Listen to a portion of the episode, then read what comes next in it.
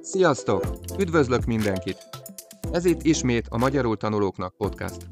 Ha szívesen támogatnád a munkám, akkor hívj meg egy kávéra a www.patreon.com per csőszapa 72 oldalon. Ugyanitt hozzáférhetsz a podcast transzkriptjéhez is, ha jégkrém ice cream szinten támogatsz. Ha pedig prémium taggá válsz, a transzkript mellett három interaktív feladatot is kapsz, természetesen megoldásokkal együtt.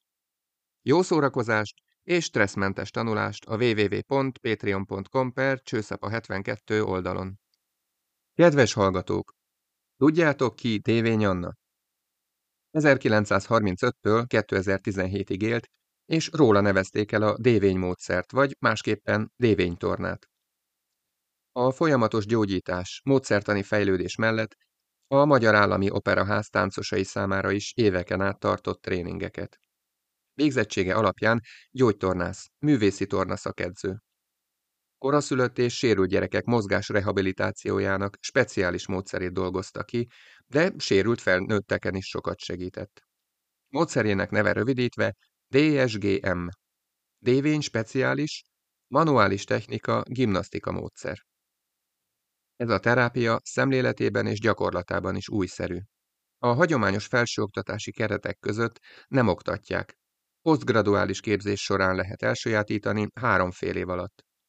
A sérült inakat és izmokat speciális manuális technikával gyógyítja, regenerálja. Ennek során a gyógyításra és fejlesztésre egyformán hangsúlyt fektetnek. A művészi torna elemeit is hasznosítja a módszer. Szakgyógytornász irányításával végzik, egyénileg, kézzel végrehajtott technikáról van tehát szó, amely során az a cél, hogy megszüntessék az izmokban levő feszültséget. Ezért van az, hogy sokszor egyszerűen csak dévénytornának nevezik.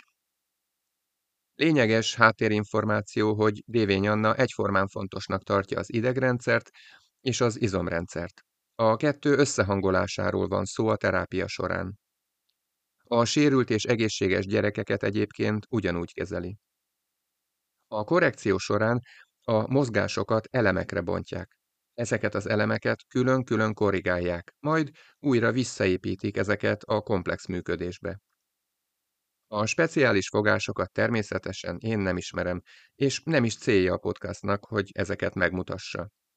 A lényeg, hogy a speciális fogások az izomzatra és az idegrendszeri szabályozásra is egyformán hatással vannak. Ezáltal az idegrendszer stimulálódik, az izomhelyzet normalizálódik. A koraszülött babák, vagy akiknek a születése során komplikációk léptek fel, rizikóbabáknak számítanak.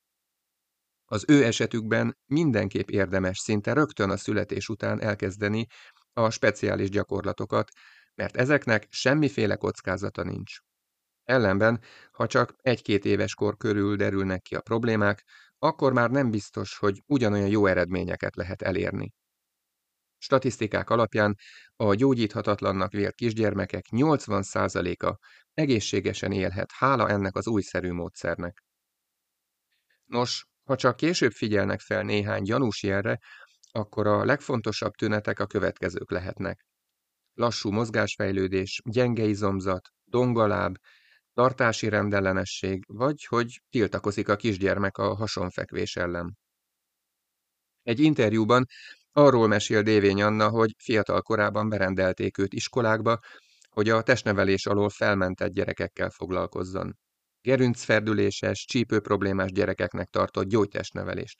Ott találkozott olyanokkal is, akik már a szülés során nagyon súlyos sérüléseket szenvedtek el. Ennek a munkának a tapasztalata vezette el Dévény Annát a módszer kifejlesztéséhez. A mozgás tükrözi az idegrendszeri fejlettséget, tehát a mozgáson keresztül a terapeuta befolyásolhatja az idegrendszeri folyamatokat is. A dévény módszert alkalmazó terapeuták szerint fontos, hogy a kisgyermekek az adott életkornak megfelelő mozgásokat képesek legyenek elvégezni. Emeljék a fejüket, forduljanak hasra vagy hátra, másszanak, stb. Ha ezek elmaradnak, akkor esetleg majd csak az iskolában szembesülnek szülők és tanárok azzal, hogy a gyermek nagyon sokféle tanulási nehézséggel is küzd. Felmerül a kérdés, hogy a kezelések esetleg fájdalmat okoznak a babáknak. Egy édesanya, aki dévény tornára hordta gyermekét, elmondta, hogy szerinte természetes, hogy egy kicsi baba fél az idegen környezetben. Eleinte nem jó neki, hogy egy idegen ember hozzányúl és bizonyos mozgásokat végeztet vele.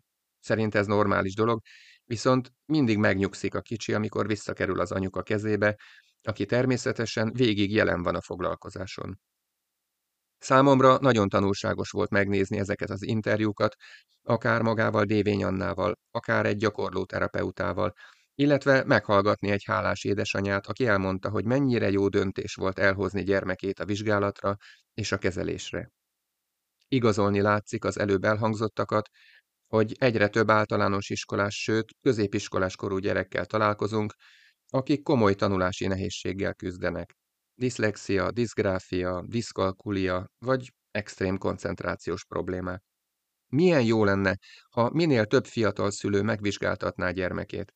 Természetesen nem minden esetben mozgásszervi problémák állnak a későbbi tanulási gondok hátterében, de talán érdemes ezt a tényezőt is figyelembe venni.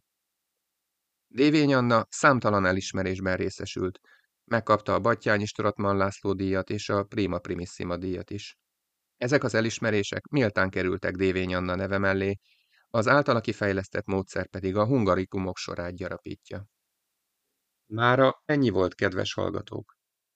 Magyarul tanulóknak készített Patreon felületen megtalálod a szöveg átiratát, hozzátartozó feladatokat és megoldásokat is. Ezeket WordWall-ban készítettem el, és szerintem elég a legelső típusban megcsinálni mindegyiket. Az oldal felajánlja ugyanazt a feladatot, még vagy négy formában, de ezek tartalmilag mind ugyanazok lesznek. Ha kérdésed van, írd meg nyugodtan, és válaszolok. Ha teheted, kérlek támogasd a munkámat. Viszont hallásra! Sziasztok!